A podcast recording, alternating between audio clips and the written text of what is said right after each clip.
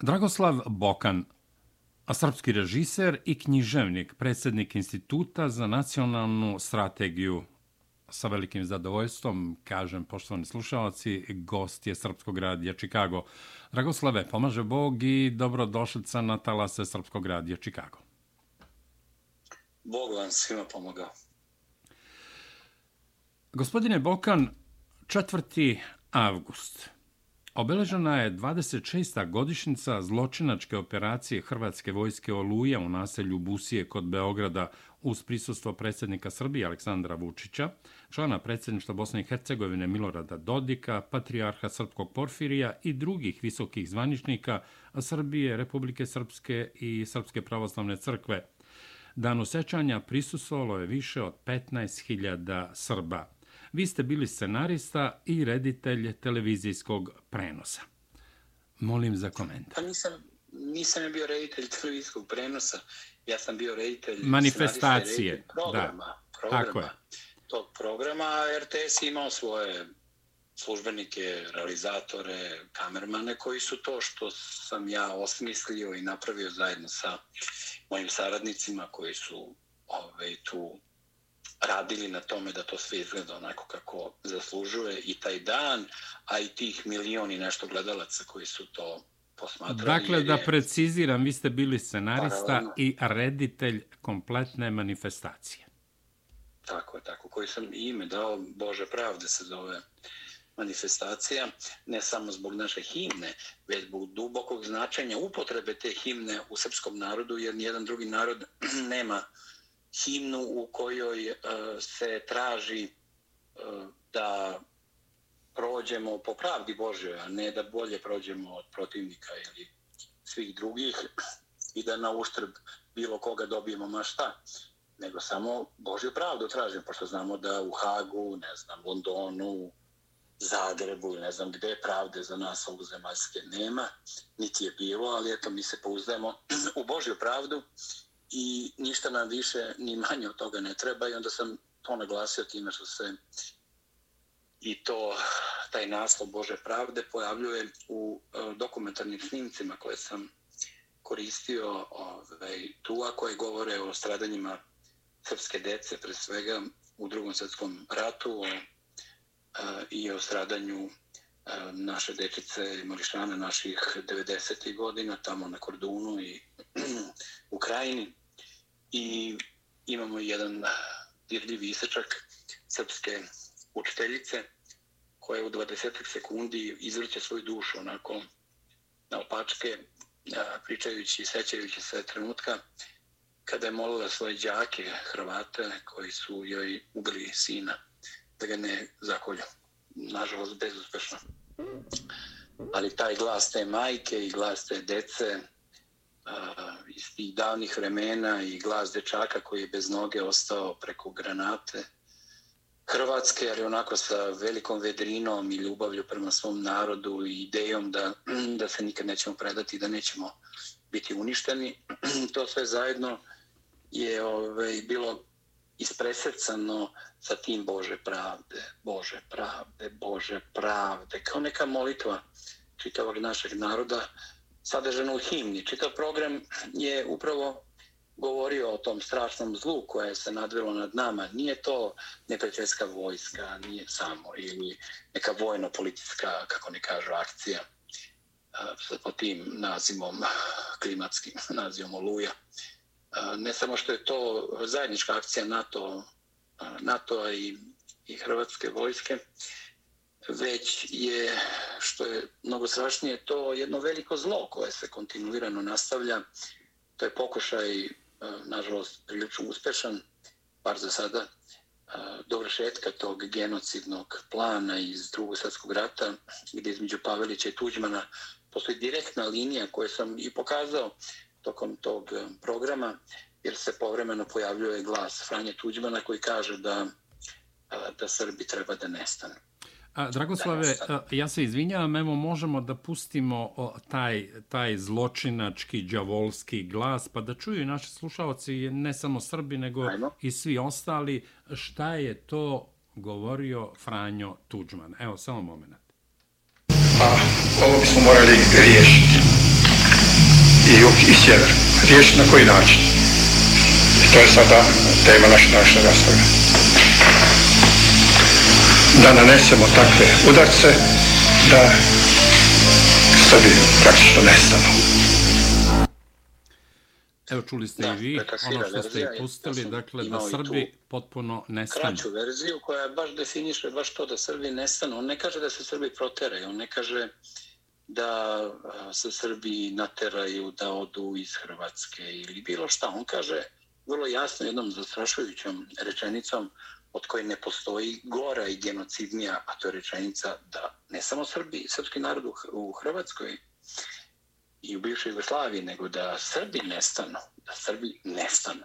Znači, i deca, i odrasli, i intelektualci, i umetnici, i starci, i ne znam, oni iz Republike Srpske, oni iz Crne Gore, iz Srbije, i svugde po svetu. Mislim, i oni iz Čikaga, to se sve uklapa u rečenicu da Srbi nestanu. Da Srbi nestanu. To je neka vrsta te zastrašujuće zvučne istorijske pozadine, a tu se onda događa e, susret e, koji sam tu osmislio scenaristički i napisao i izrežirao susret male e, Dare iz Jasenovca iz filma Predraga Antonijevića koji glumi Biljana Čekić iz Kozarske Dubice koja je došla specijalno zbog toga tu i vežbala sa mnom a, koja sreće u tom programu sebe samu nakon 50 godina. Znači Dara iz Jasenovca sreće Daru iz Oluje koja 50 godina posle toga opet biva proterivana od iste te vojske koja je koja je njeno detinjstvo pretvorila u pakao, a usput je ubila i brata i oca i veliki deo porodice, ne samo u filmu, nego se to desilo i sa pravom ženom, tom Jelenom Buhač Radovićić koja je bila isto prisutna tamo na sceni sa još četvoro posljednjih preživelih iz Jasenovca, Jasrebarskog i Gradiške i Siska, iz logora smrti hrvatskih iz drugog rata, koji su izašli na scenu da se poklone pred svojim narodom i da nas podsjete na to stradanje koje tu sad sve to uvijeno, znači u jedan zajednički venac e, srpske, u srpskog bola i vaskrsenja i nade i ta devojčica koja igra Daru iz Jasenovca ponovo, koja razgovara sa Darom iz Doluje, koja kaže e, mojim rečima otprilike da smo govorili o Jasenovcu i o strašnim zločinima, da su oni bili kažnjeni, ali i da smo samo već govorili možda se ne bi desilo oluje, možda ne bi desio dovršetak onoga što je prećutano, postalo zločin koji traje. Znate, zločin traje dok se ne prepozna i ne kazni. Ne, nemoguće je da zločin prekine, da se prekine samo od sebe. On se prekida kao i bilo šta što se sudski osuđuje i nakon toga kažnjava, pravedno kažnjava, tako i taj zločin njihov koji je bio nekažnjen, nažalost, posle drugog svjetskog rata i koji je stalno bio prikrivan onim frazama o žrtvama fašističkog terora, gde nema ni srpskog imena, ni hrvatskog, ni, ni žrtve, ni dželata. I tako smo, nažalost, došli do 71. godine, do tog otvorenog bujanja ustaškog nacionalizma u samoj Hrvatskoj, do dizanja u vazduh onih nesečnih ljudi u Beogradskom bioskopu 20. oktobar, do upada hrvatskih diverzanata i terorista koji su eh, na prostoru Bosne ovaj, ubijali sve moguće ljude da bi time praktično napravili uvod za budući rat protiv Srba. I celu tu tragediju smo pokušali da ja i oni koji su mi pomogli od ljudi koji su izvodili muziku, Slobodan Trkulja je sa svojim Balkanopolisom, naš čuveni instrumentalista i jedan od najpoznatijih u svetu naših muzičara koji je i komponovao određene delove iz one čuvene pesme ove, Lepe moje crne oči. To je lirska pesma koju je Vuk Karadžić zabeležio iz krajine u 19. veku i po toj pesmi su e, je i pravljena ona pesma što se udari iz Jasanovca u filmu pojavljuje. E pa mi smo obradili tu pesmu na onom duduku, onom instrumentu starom, srednjovekovnom, onako mističnom, pa sa nekim glasovima, pa i u nekoj ovaj, modernoj verziji sa instrumentima je to Trkulja otpevao da bi na kraju Dimna Ljubojević svojim anđelskim glasom koji vaskrstava zaista sve nas iz našeg dremeža i iz naše odsutnosti duhovne učini da mrtvi na, na ovaj, sceni koji su u nekom trenutku pod udarcima mitraljeza, to smo izveli zvučno i nekim vizualnim efektima, oni svi ginu, stradaju, umiru i padaju na scenu da bi ovaj, pred sam kraj tog našeg programa na zvuke uh, pesme Bogorodice Djevo koju pevaju melodi zajedno sa Ino Ljubović, oni ustali, vaskasli praktično i onda nakon posljednjeg govora održano koji je predsjednik Srbije održao, ide i Vostani Srbije koja se nigde nije bolje uklopila nego tu upravo zbog tog vaskrsnog elementa koje je i naslov te ovaj, neformalne narodne himne sa severa Srbije nosi sobom. Tako da od Bože pravde pa do eh, uh, Vostani Srbije, od Trkuljinog Lepa moje plave oči, eh, uh, Lepa moje crne oči, pa do divnenog Bogorodice Djevo, od Dare iz Jasenovca do Dare iz Oluje, od prizora sa tri majke u Crnini koje sede iza praznih kolevki po svoje pobijene dece u ratovima i govore stihove Jelene Kovačević, mlade istoričarke i pesnikinje, koja je napisala divnu knjigu potresnu koja se zove Stradanje i koja je posvećena stradanju naših ljudi u drugom svjetskom ratu, gde ona uz konkretne događaje stradanja koje opisuje kao istoričar ukratko, stavlja i poeziju, svoje stihove hrišćanske koji nam ipak daju nadu da, da, taj, da to stradanje nije bilo bez smisla, da iza tog raspeća postoji i vaskrsenje. Tako da je čitav taj i tako postavljen program. Tu je bio i moj sin, šestogodišnji Leonida Bokan. Da, njega sam koji, video, držao ikonu. Tako je držao ikonu Bogorodice, on je bio obučen u onu malu plaštanicu za krštenje i on izgovara onako svojim crkutavim dečim glasićem jednu potresnu pesmu velikog um, srpskog naučnika i poslanika u kulturi s početka 19. veka Save Mrkalja koji je i započeo jednu uh, jezičku reformu koja bi bila mnogo povoljnija pod nas, po nas od one, od one Vukove pre svega zato što je pokušavala zadrži nešto od onog eh, našeg eh, crkveno-slovenskog eh, u, toj, u tom programu. On je jako loše završio u nekoj dušavnoj bolnici Frado i pred smrt je napisao te tih šest stihova svojih o zlu, o strašnom zlu koje nas ne ostavlja nikad i koje uz nas i koje preti i u prošlosti i u sadašnjosti i našoj budućnosti. On to izgovara, znači 1825 i to zlo eh, strašno on eh, praktično nagoveštava koje će naići u sljedećem veku, eto, pratiti nas sve do danas u, u ta dva čina eh, genocidna. Prvi čin je Jasenovac, oličan u Jasenovcu, a drugi u, u toj operaciji paklene oluje. Tako da je sve to zajedno bio program u kome su također i besedili patrijar Porfiri, njegova svetost, Milorad Dodik i Aleksandar Vučić, i koji su svojim govorima vrlo specifičnim dali jedan poseban ton tome.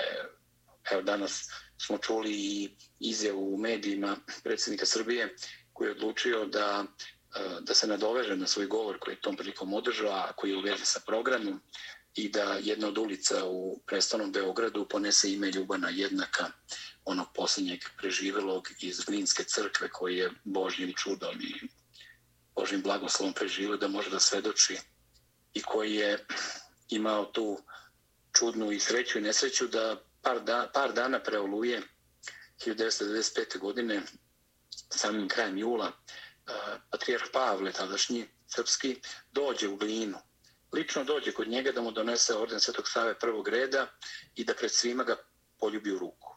Patrijarh Pavle poljubi u ruku našeg učenika Ljubana Jednaka za zapropašćenje svih prisutnih od njegove porodice, od svih drugih i time u stvari e, kazao šta misli o našim stradalnicima i o svemu tome i šta je on preživao, da bi samo nekoliko dana posle toga on nažalost bio prinuđen da napusti svoju glinu u kojoj je živeo posle rata, jer su Hrvati pikirali na njega e, čak su pucali njegovu odeću koja je ostala da bi izrazili svoju mržnju i on je došao u Beograd da je dve godine još poživeo i od te tuge i svega umro i onda tadašnja gradska vlast eh, 97. u maju nije dopustila da on bude sahranjen u aleji zaslušnih građana ove, da ne bi valjda provocirala, ne pojma koga. I onda je on sahranjen na nekom periferijskom groblju na ivice Beograda, ali ne samo to, nego je vest od njegove smrti je sakrivena od medija i od srpske javnosti.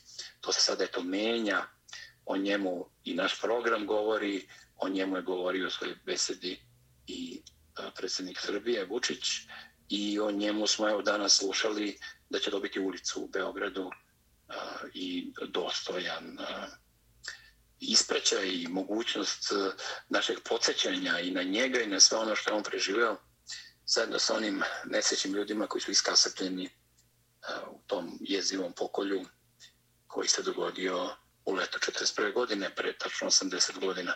Tako da se neke stvari, Bogu hvala, menjaju, znate, oko god je gledao ove dokumentarne snimke koje sam tu montirao, deo njih je iz filma Kordun, Zemlja bez ljudi, u produkciji Krajiškog kulturnog društva Sveti Sava i u režiji mog brata Dujaka Petra Vujenića koji je zajedno sa mnom dorađivao to i spremao za ovu priliku i ti snimci uz nepodnošljivi zvuk zvu, zvona koji se samo prepliču sve jače i jače i jače. Mi u minut i po praktično gledamo ceo drugi svjetski rat sa svim tragedijima od prekrštavanja do klanja i stradanja dece, ali u tako brzom nekom ritmu, u pulsiranju nekom, da mi to sve vidimo, ali ne zadržavamo se na tim slikama jer bi bile nepodnošljive za gledanje, da bi nakon toga imali jecaj e, tece iz Jasenovca e, i njihovi crnobeli snimci i a, posle toga svega imamo priču o Nevenu, jednom prelepom dečaku koji izgleda kao princ, ima 11 godina u tom trenutku kome je hrvatska granata otkinula nogu i koji govori o tome ovaj, kako je to se našao u Beogradu kad se probudio iz nesvesti u bolnici, kad je pitao gde je, pa mu sestra medicinska rekla da je u Beogradu, onda on onako deći, onako pogleda i kaže, e, Miline, u Beogradu video se prvi put imam priliku da vidim Beograd, onako zaneseno gleda, što je moralni šamar svim onima koji žive u Beogradu, a nisu ni primetili te nesečnike koji su dolazili u naš glavni grad i tamo bili često onako sklanjeni od pogleda javnosti i, i, i u medijima i tada i kasnije, sve do skoro. I mali Neven tu govori o tome kako ima osjećaj kao da ima nogu. On, on osjeća prste koji nema u toj nevidljivoj nozi koja više nema. To je stvarno ovako dirljivo ovaj, sve slušati. Jedva podnošljivo, ali suze će nas spasiti. Mislim, ideja je, mi samo kroz suze možemo da da jedni druge ponovo ovaj, zavolimo i da steknemo poverenje jedni u druge i da naučimo da se borimo s neprijateljima, ne između sebe samo Jer Oluja je baš primer za to. E, ta priča o tome da li je Milošević iz Doluju, da li je u pravu kapetan Dragan ili Šešelj oko ocene toga, šta je uradio general Rašeta, kakav je bio odnos Vojske Republike Srpske, kakav je bio odnos um, Bljeska i Oluje, da li je Martić uradio to što je mogu. Znači, cela priča o Srbima. Da. O nekim Srbima koji su negativci, izdajnici, sva posvađani, šta sve ne. Ne govorimo o onima koji su ubijali. Ne govorimo onima koji su kao pakleni demoni nasrtali na te kolone civila i kogod, kome god se pokvario automobil ili je zastao, bio je zaklan, silovan, isečan na komade, ubijen. Mi to kao da preskačemo, mi kao da imamo neku čudnu osobinu, pa kao kad govorimo o Kragujevcu. Redko ko govori o Nemcima, da su Nemci streljali naše džake u Kragujevcu i to po onoj ludačkoj, genocidnoj meri, sto talaca za jednog poginulog u borbama Nemca. Mi stalno govorimo o tome da li je to znao general Nedić, da li su bili prisutni negde tu ili nisu bili prisutni takozvani Ljotićevci, da li ovo, aman, bre, ljudi, bre, da... Jer možemo mi da se koncentrišemo na one koji su ubili te, tu decu. I počinili stravične zločine. Na Nemce koji su blokirali Kragovac i Kraljevo. Imamo sad knjigu Bojana Dimitrijevića, našeg vrsnog istoričara, koji iako nije bio nimalo naklonjen ni generalu Nediću, a kamoli Ljotiću, jer je četničkog opredeljenja, naš jedan najznačajnijih i najplodnijih istoričara, on to navodi dokumente da da je sve bilo blokirano i da niko u Beogradu nije znao za ta streljanja do pre dva, do, do, dva dana posle streljanja su saznali prvi put u Beogradu i, i tadašnja ta privremena komesarska kvazi vlada koja je više održavala koliko toliko mogućnost prijema prognanih Srba nedoklanih iz NDH, više su zbog i da se ne bi podelila i ova malo Srbije što je ostalo, se ne bi podelo između Bugara, Mađara i Ustaša, a, oni, oni su tu funkcionisali u toj jednoj nuždi u kojoj su Nemci komandovali. Mi nismo imali nezavisnu državu kao Hrvati, nego su Nemci držali i, i Jajince i Banjicu, a, ne znam, ba, a, a staro sajmište su držali, Ustaše su držale zajedno s Nemcima, jer je to bila teritorija preko Dunava, bila teritorija nezavisne države Hrvatske, iako nas napadaju čak i za to što su držali Ustaše. To je stvarno nevjerovatno kako mi neki put nalegnemo na, na vodu i na ruku, na kanđe naših e, jezivih neprijatelja. Ali to će se promeniti ako Bog da i ovu busijama je između ostalog e, i bio pokušaj da se da se nešto uradi na tu temu, da ljudi osete jedinstvo u tim suzama i u tom jecaju. Mislim, tamo se u publici prolomio jecaj od kraješnika kad su slušali malo dnevena. Da, Dragoslave, kako govori o tome. A, hteo sam da, da zamolim, a, s obzirom da ste bili scenarista i reditelj manifestacije, Tako. odnosno dana sećanja Bože pravde, pomenuli ste besede patrijarha Porfirija, a člana predsjedništva Bosne i Hercegovine iz redova srpskog naroda, Milorada Dodika i predsjednika Aleksandra Vučića, pa ja bih ga zamolio da onako kratko a, iznesete svoje impresije, odnosno da izdvojite nešto što je karakteristično za te tri besede ili govora? Pa, te besede su prilično sadržajne i emotivne. Dosta ih je teško svesti nakon rečenicu dve ili misao dve, ali otprilike patrijarh e, Porfirije je govorio o strahoti stradanja i o zlu, o zlu, samom zlu, ne o srpsko-hrvatskim odnosima, istoriji, godinama koje su prešle, e, prošle, o broju mrtvih i organizaciji sve. Ne, ne, ne, on je baš govorio o zlu. O samom zlu, jer je to suština. Suština je zlo iz pakla je tu proigralo. Ne samo tu, nego u svakoj takvoj, svakoj takvoj stvari. Đavo je, đavo je u igri i, i to demonsko zlo. On je o tome govorio i o toj vedrini koji nam daje naš odnos uh, u kome nema malakšemo i ne predajemo se i nastavljamo dalje da živimo upreko svemu, pa i ti krajišnice koji su tu bili prisutni.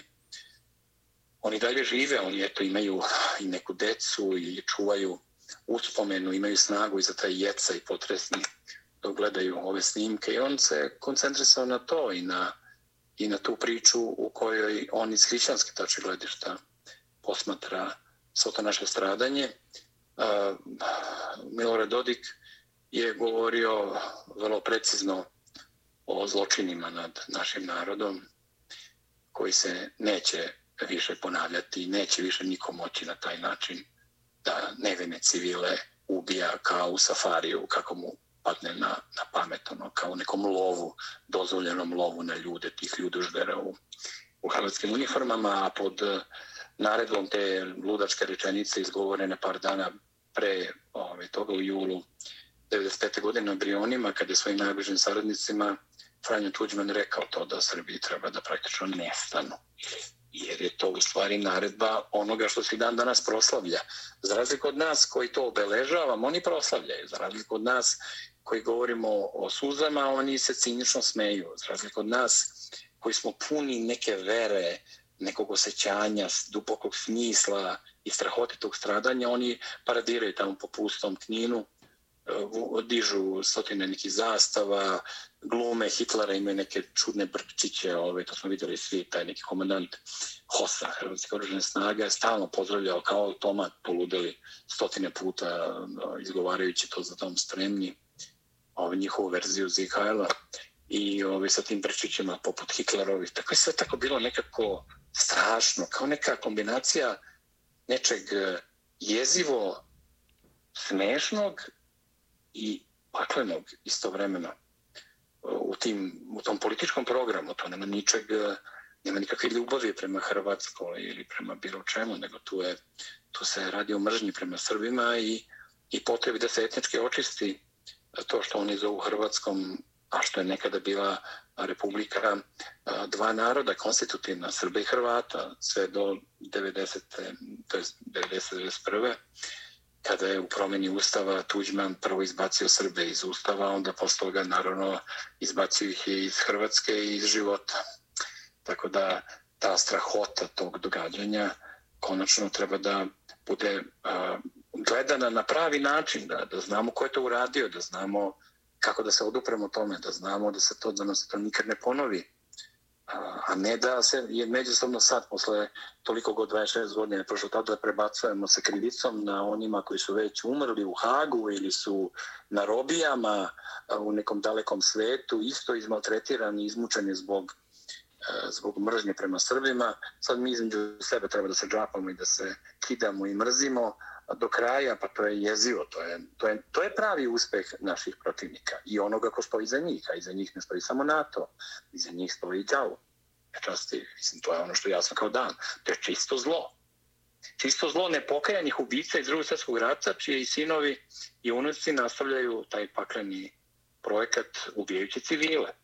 U tom eh, napadu njihovom ogod najveći broj stradalih su bili civili i to mnogi od njih su stradali na jezive načine. Mi to nikad do kraja nećemo ni znati, pošto je to teško pohvatati, znate kad stotine i stotine hiljada ljudi ovaj, beže pred tim velikim zlom, ovaj, teško je eh, znati ovaj, što se stvarno desilo. To su bile i jezive priče o tome da su u nekim onim visokim pećima završavale čitave kolone izbeglune.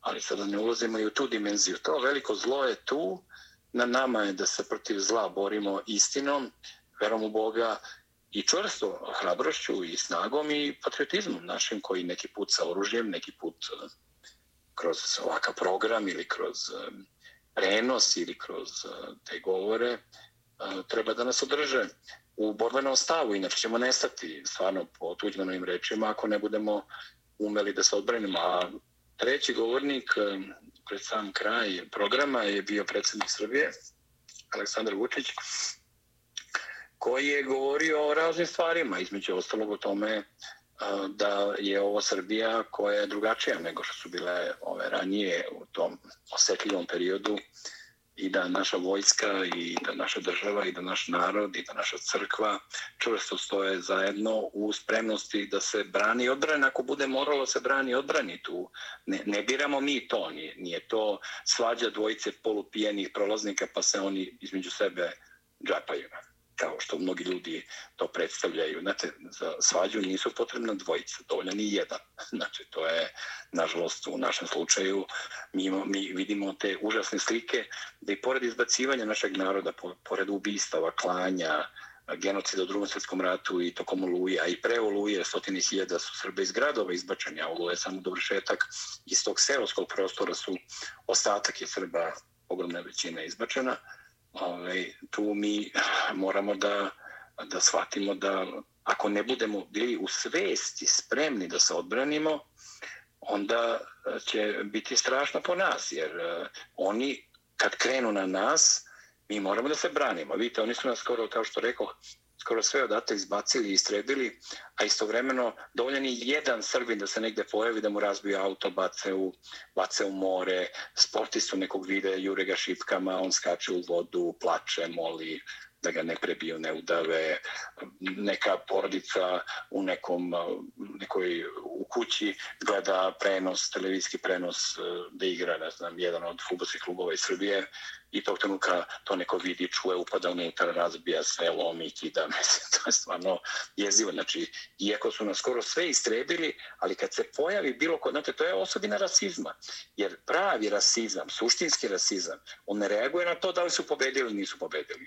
Normalna istorija ili politička borba naroda raznih postoji tako da neko pobedi i onda pokušava da uspostavi, kako bi to rekli, eh, ne, neko uslovno rečeno, pomirenje do daljnjeg e, istorijsko, jer su izvršili svoj cilj. A ovdje cilj nije da oni pobede, čak ne, ne, ne da istaraju Srbe, nego da Srbi nestanu, kao što kaže Tuđman.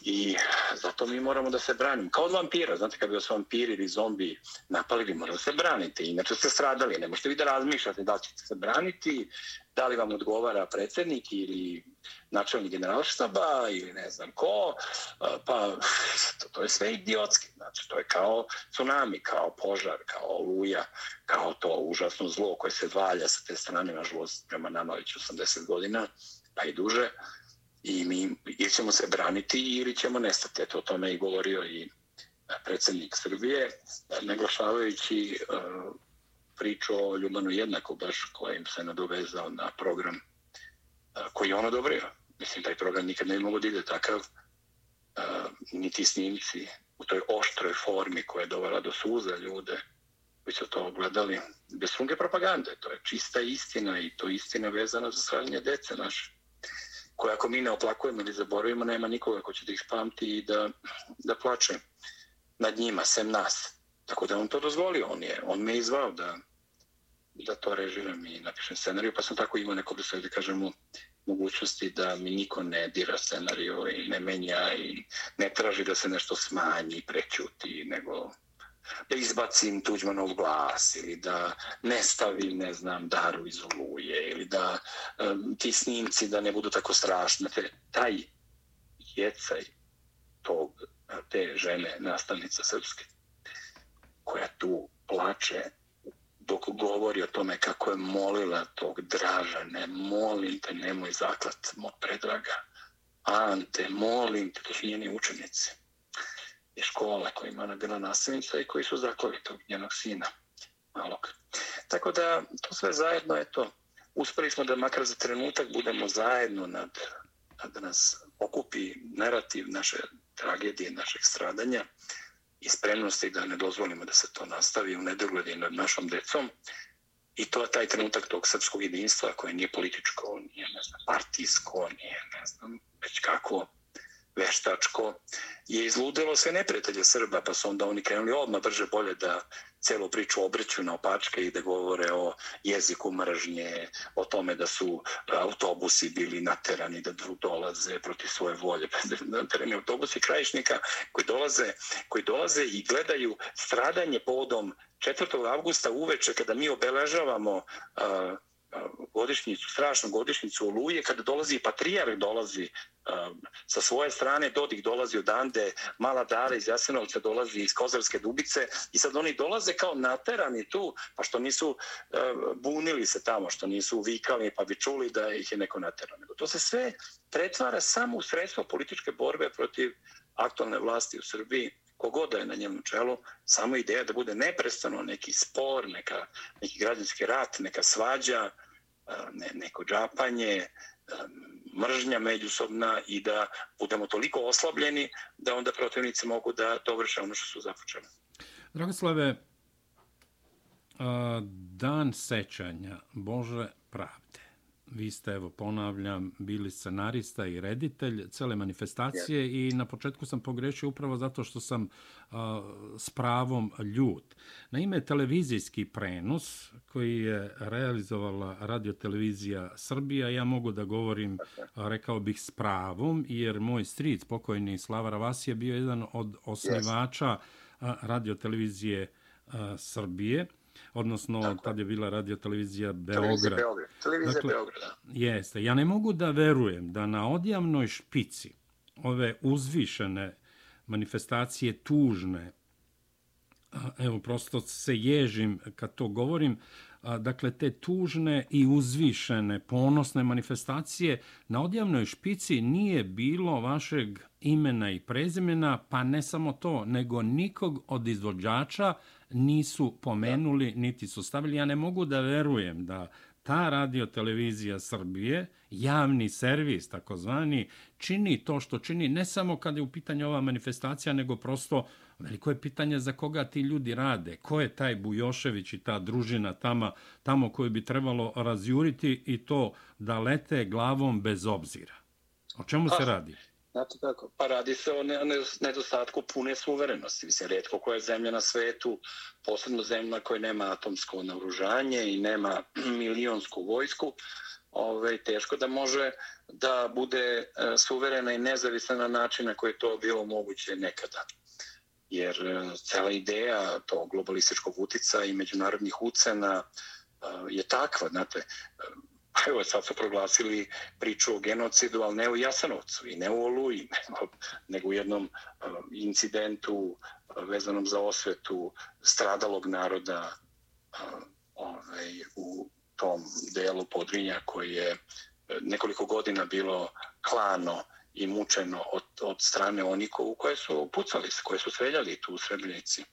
I sad ispada da je to streljanje tih krvnika u stvari da je to genocid, iako nijedno dete tu nije stradalo, niti žena, a to ubijanje srpske dece, staraca, žena, pa čak i pasa i ne znam, stoke, samo zato što su bili u srpskim domaćinstvima i to pre toga, to je ništa, to, to se ne pominje. Iako postoje dokumenti, fotografije, znaju se imena. Znači, onaj svet koga ne interesuje istina, koji od eh, posledice pravi uzrok, lažni nekakav, koji oslobađa čoveka koji je vadi oči, seko uši, nos e, ljudima, onom sudi srpskom eh, Aserolić pred svedocima je to radio, on se oslobađa jer se vešto napravi trik da se on optuži za stvari za koje nema dokaza, a ne optuži se za one stvari za koje postoje stotine dokaza i svedoka i na taj način se veštački oslobodi.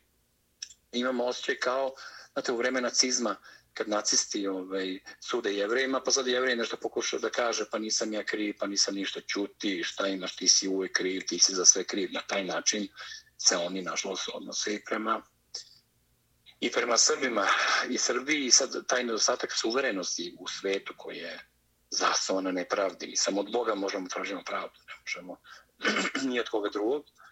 Od tog takvog sveta ovim, e, ne možemo da očekujemo to vrsta suverenosti, jer i tokom 90-ih i u vreme Miloševića i posle 5. oktobra, posle tog e, vojnog udara, državnog e, prevrata, koji je u režiji Centralne informativne agencije, američke agencije, obavljeno što znamo na osnovu svedočenja ljudi koji su to vodili, a koji su kasnije pisali o tome, hvalili se tim ove, i u Americi i van toga.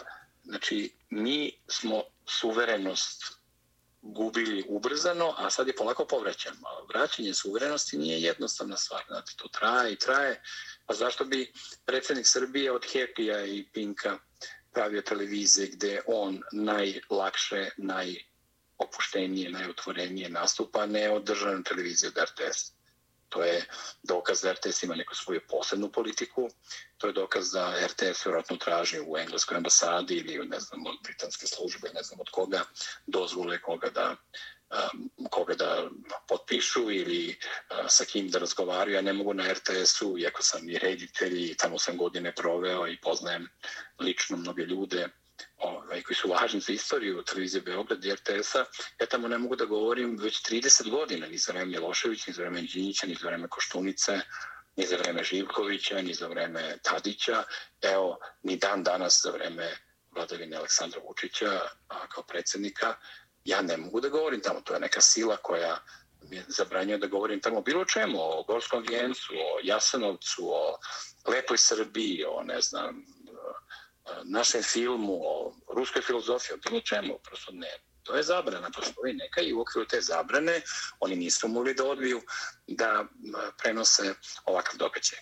Ali su mogli na kraju da naprave svoj cinični trik i da nikog ne potpišu. I da su potpisali druge ljude, a mene nisu, to bi bilo mnogo komplikovanije. Ovako nikog nisu potpisali, napisali su samo da je e, taj prenos e, realizovao, realizovao RTS i to je to.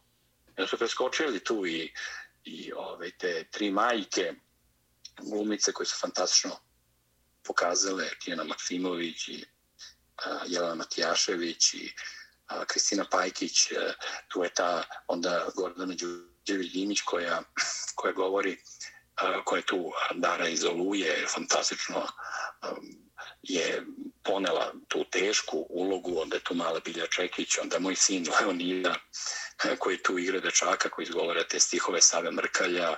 I tu razni ljudi koji su tu sudjelovali, pomagali u realizaciji, u tonu, u rasveti, u slučenju, umetničkom delu programa, kompozicije, sarađivali na scenariju kao moj prijatelj Dejan Dionise Nikolić koji je sarađivao zajedno sa mnom na tom scenariju dok sam ga radio. I svi oni su ostali nepotpisani da bi se lakše opravdalo zašto ja kao Dragoslav Bokan sa mojom biografijom nacionalnom i patriotskom ne mogu da budem tamo prisutan po odluci onih sa kojima Bujošević i njegova ekipa ove, imaju nekakav, nekakvu, kako bih mi, nekakav odnos eh, selekcije ko sme, ko ne sme, ko može, ko ne može tu da bude. To, toliko o javnom servisu. Ali ta reč javni servis je već sama po sebi ruža. Znate, ono, šta vi da. znate, znamo za javne klozete i za javne, javne kuće. To je ono javno, mislim, to je stvarno jezivo, glupo napravljeno, čak i ono, u službi, on treba bude u službi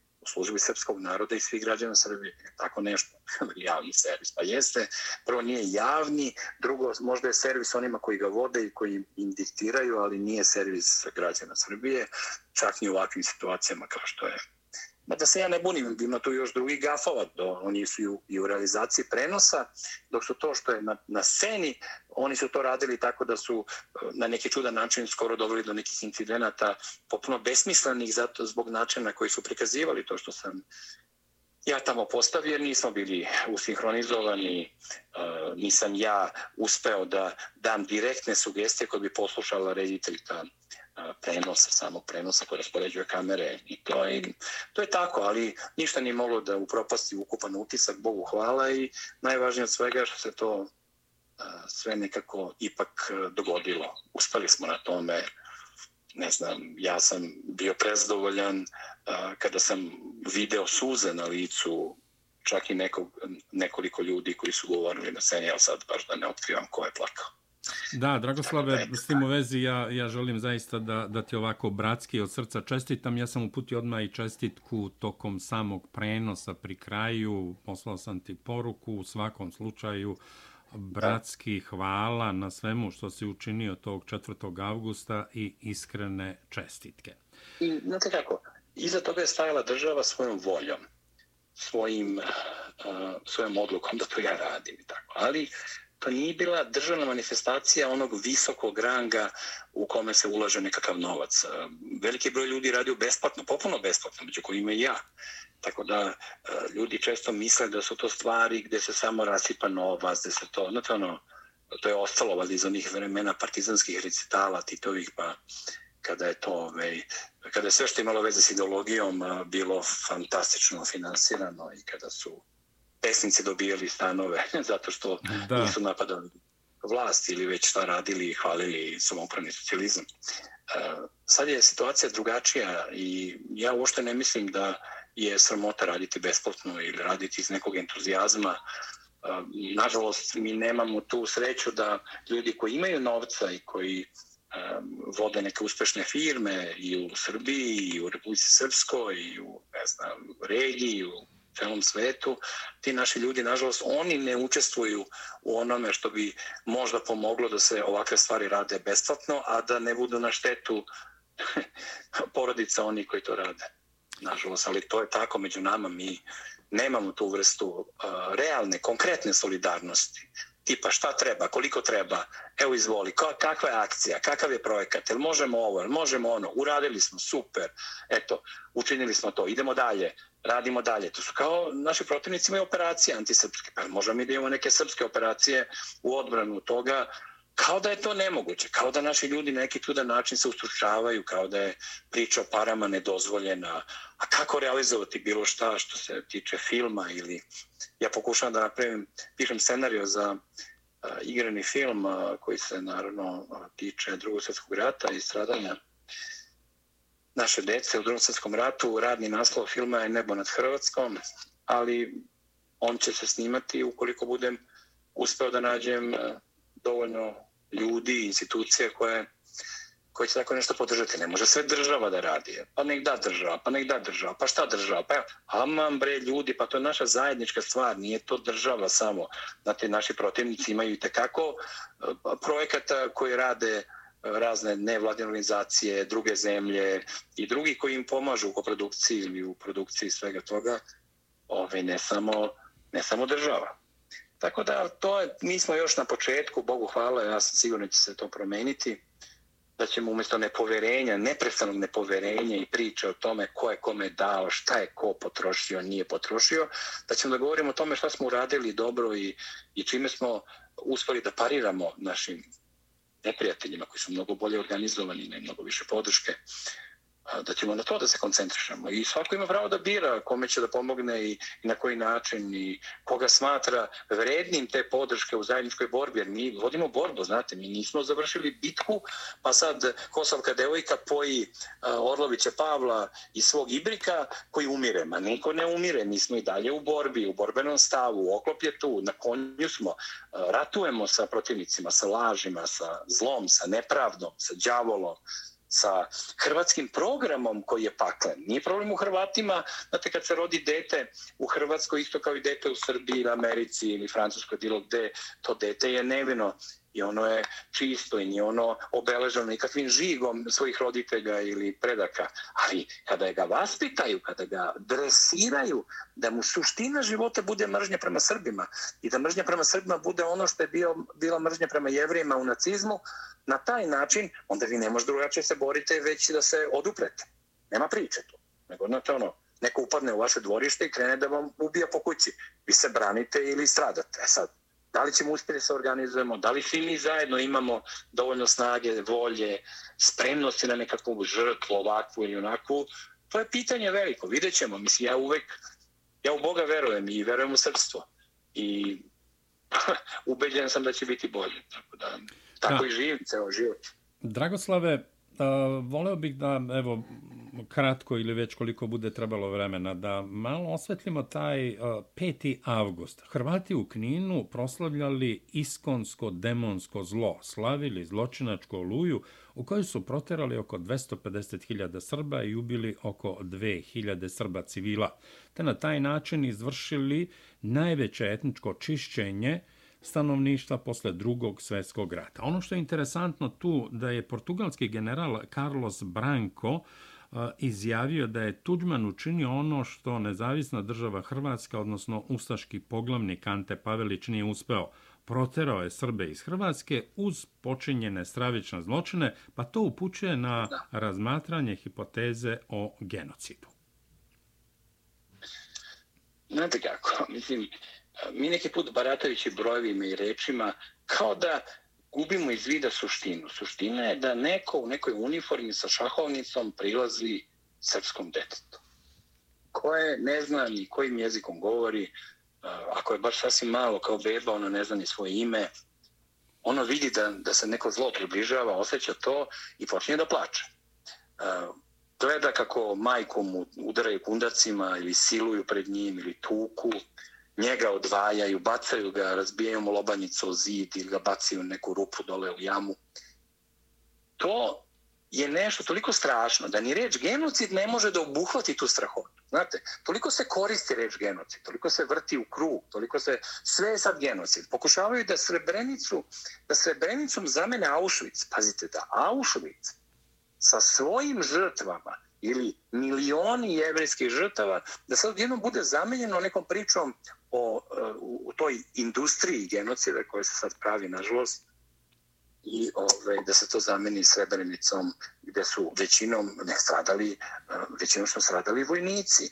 Na, do, do tog trenutka naoružni vojnici koji su pravili nenormalne zločine ove, pre toga. E, I sad, ta osveta naravno da prelazi granice pravnog ili običnog, zato mi i kažemo da je tu učinjeno mnogo šta što jeste zločin, ali znate, zločin koji je osveta za ubijanje dece, za ubijanje žena, za ponovljeno silovanje i uništavanje iz drugog svjetskog rata ponovljeno opet u tim selima i to nekoliko godina za redom, sa konkretnim ljudima koji oni znaju ko su u tome. Znači, tu u Srebrenici leže mnogi zli, zlo, zlikovci, mnogi zločinci, mnogi E, pedofili, monstrumi koji su silovali decu, e, mnogi, e, mnoge životinje od ljudi, čovekolike koji su vadile oči tim našim nesrećnim ljudima. To sve dokaze sve to i sad oni leže i sad svi plaču nad njima kao da je reč o četi anđela. Mislim, to je stvarno neverovatno šta se tu događa i na koji način se događa, ali naše nije da kukamo. Znate, mi moramo da pokušavamo uporno da svetu govorimo istinu. Uporno, a da istovremeno sami se okupljamo i branimo. Branimo. Mislim, branimo od tog zla. Ne možemo da pustimo da nas zlo zasipa i da bežimo od tog zla. U svoj privatni sebičluk, u to da ne tiče se to nas. Znate, ono, neko živi u Beogradu, neko živi u Čikagu, neko živi, nemam pojma, u Parizu, eh, ili živi, eh, ne znam, van tih prostora gde se dogodilo to zlo, ili gde se događa zlo na Kosovu i Metohiji, ili već gde, i sad uh, dezertira i sudbine svog naroda. Niko od nas nema pravo da dezertira i sudbine svog naroda, bez obzira gde živi, koje državljanstvo ima i da li se smatra i dan danas pre svega Srbinom ili poreklom Srbinom, ali dovoljno je da ima ljudsko osjećanje i da vidi da postoji narod koji je ubijan, maltretiran, uništavan sa sve decom, pa se 23.000 dece samo u Jasanovcu, 70.000 male dece samo u drugom svjetskom ratu. O čemu mi pričamo? Ali to nije genocid. To se ne osuđuje kao genocid. O tome se ne priča kao da je genocid. Znači, država koja je to počinila i narod koji je to počinio, koji se slavi, koji slavi ustašku državu, on je primjen u Europsku uniju. On je primjen u NATO pakt. Njegova bivša predsjednica je glavni kandidat za generalnog sekretara NATO pakta. Čo mi pričamo? U kom to crtanom filmu mi živimo? Ako ne možemo, ne možemo da objasnimo svetu to zlo, ako, ako je svet i dalje pod uticajem tog virusa, užasno kao u vrijeme Trećeg rajha, kad je cela ta nova Evropa bila pod Hitlerovim uticajem, sa tim kolaborantskim marionetskim vladama, koje su jednog dana, Bogu hvala, sklonjene i e, tako i na, na, na, na nama je da sačekamo neku bolju situaciju, ne, neki bolji sled događaja, a da sve vreme se držimo zajedno, branimo od zla, sećamo zla, da se ne bi ponovilo i da se borimo. Svako na svoj način. Svako od vas koji slušate ovo, treba sebe da pita šta sam ja uradio, taj koji sluša ovo, da pomognem da se branimo evo sad 2021. Aj, neko je uradio nešto 91. Neko je uradio 94. Neko je uradio 97. 99. Dobro, okej. Okay. Od tada je prošlo, decenije su prošle. Borba traje. Da li ima nekog načina da se nekako povežemo i da se organizujemo neki lanac živi lanac, bratski lanac i sestrinski koji će delovati u odbranu, ako ništa drugo, makar odbranu te dečice koje će ponovo da stradaju od strane istog neprijatelja po treći put, jer dva puta je nekažnjeno prošlo. Vi sami znate, zločin koji se nekazni, on se ponavlja i nastavlja. Dragoslave, Hrvati, oprostite, Hrvati i Tesla A Hrvati imaju nameru da na da. kovanicu evra stave lik Nikole Tesle, pričajući priču da. o tome kako je on rođen u Hrvatskoj, a ne naravno u Austro-Ugarskoj, jer Hrvatska nije postojala. I nijednog momenta ne govore o tome da je on Srbin, da je sin srpskog sveštenika. Sa druge strane, na teritoriji Srbije rođeno je 17 Cezara, odnosno rimskih imperatora ili careva. Pa s tim u vezi, naravno, po hrvatskoj e, šemi i po hrvatskim e, svjetonazorima, bilo bi prirodno da mi kažemo da su ti e, cezari, odnosno rimski carevi, pod navodnicima Srbi. Naravno, nismo toliko ovaj, oštećeni. Pa nije samo to, ma ne, ne, nije tu problem toga što oni stavljaju Nikolu Teslu. Problem je u tome što oni njega ne stavljaju kao Srbina Tako iz Hrvatske. Je, iz Hrvatske. Oni njega stavljaju kao Hrvat.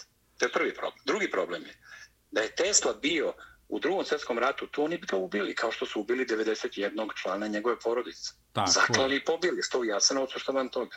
Oni su zapalili i uništili rodnu kuću Nikole Tesle. 14 su ubili Tesle, tokom oluje, 14 Nikole Tesle. Školu Nikole Tesle i, ovaj, i crkvu u kojoj je on kršten i gde je službao njegov otac Milutin.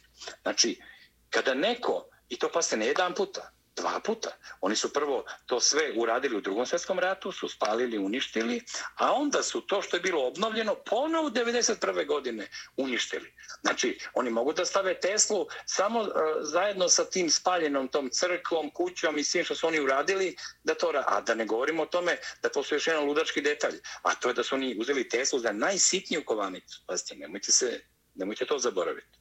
Ni ona nočanici od evra, novčanici od desetog dela evra. Da.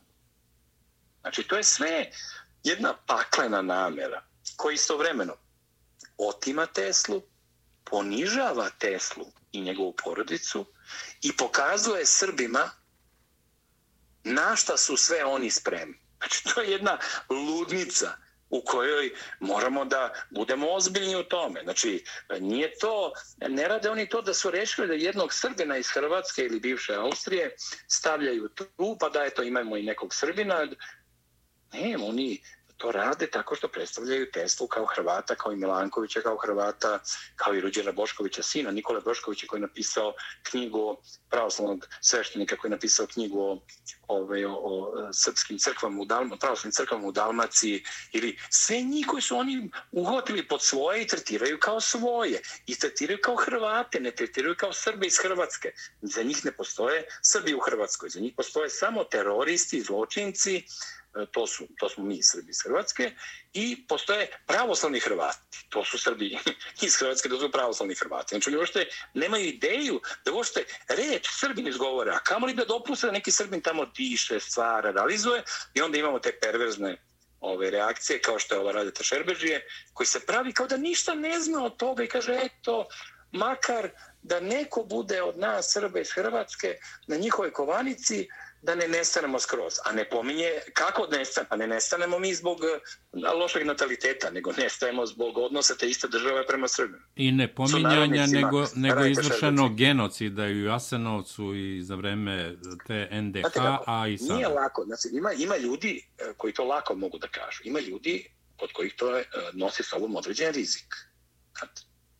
I to treba imati malo hrabrosti kad ste u poziciji Šerbeđija ili Borisa Novkovića ili ne znam nekoga od tih Aleksandra Petrovića košarkaša koji je Srbin po ocu ili ne znam, ima tu dosta ljudi koji su uh, Rajko Grlić, uh, Regi ili onda ne znam, mnogi su uh, Srbi u Hrvatskoj koji sebe smatraju Hrvatima, znate, iz kukavičulka, iz konformizma i to time oni kao da, ajde budem brutalan, kao da pišaju po grobovima svojih stradalih i smevaju one koji su zaklani u Uglinskoj crkvi i rade sve to na užasan način zajedno sa zlom. Znate, vi kada e, paktirate sa zlom, vi time e, sudelujete u zlu.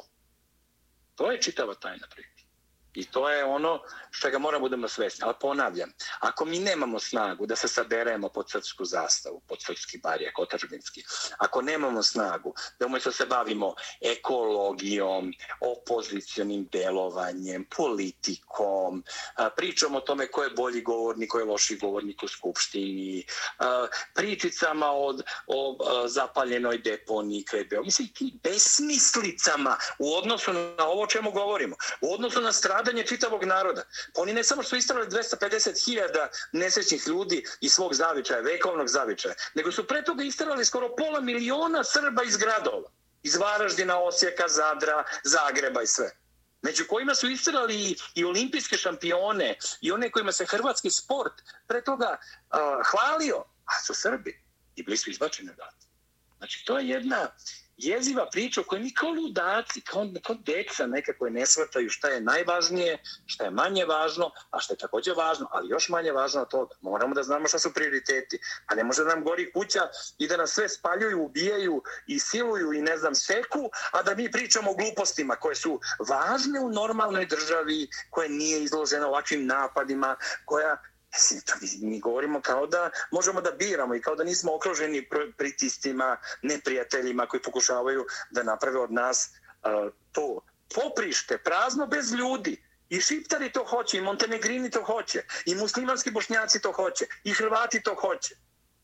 A da ne govorimo da tu negde iza uvek možda stoji Bugari, pa razni e, likovi koji isto tako, mislim, s Mađarima imamo koliko toliko dobre odnose od skoro, zahvaljujući uh, ličnim odnosima Orbana i Vučića, a mislim to možda, ne, ne daj Bože da se pokvari, pa da imamo da budemo opet kao u drugom svjetskom ratu okruženi mrziteljima, okruženi onima koji hoće da srpsko ime nestane, koji hoće da se nastavi taj broj od 70.000 pobijene dece.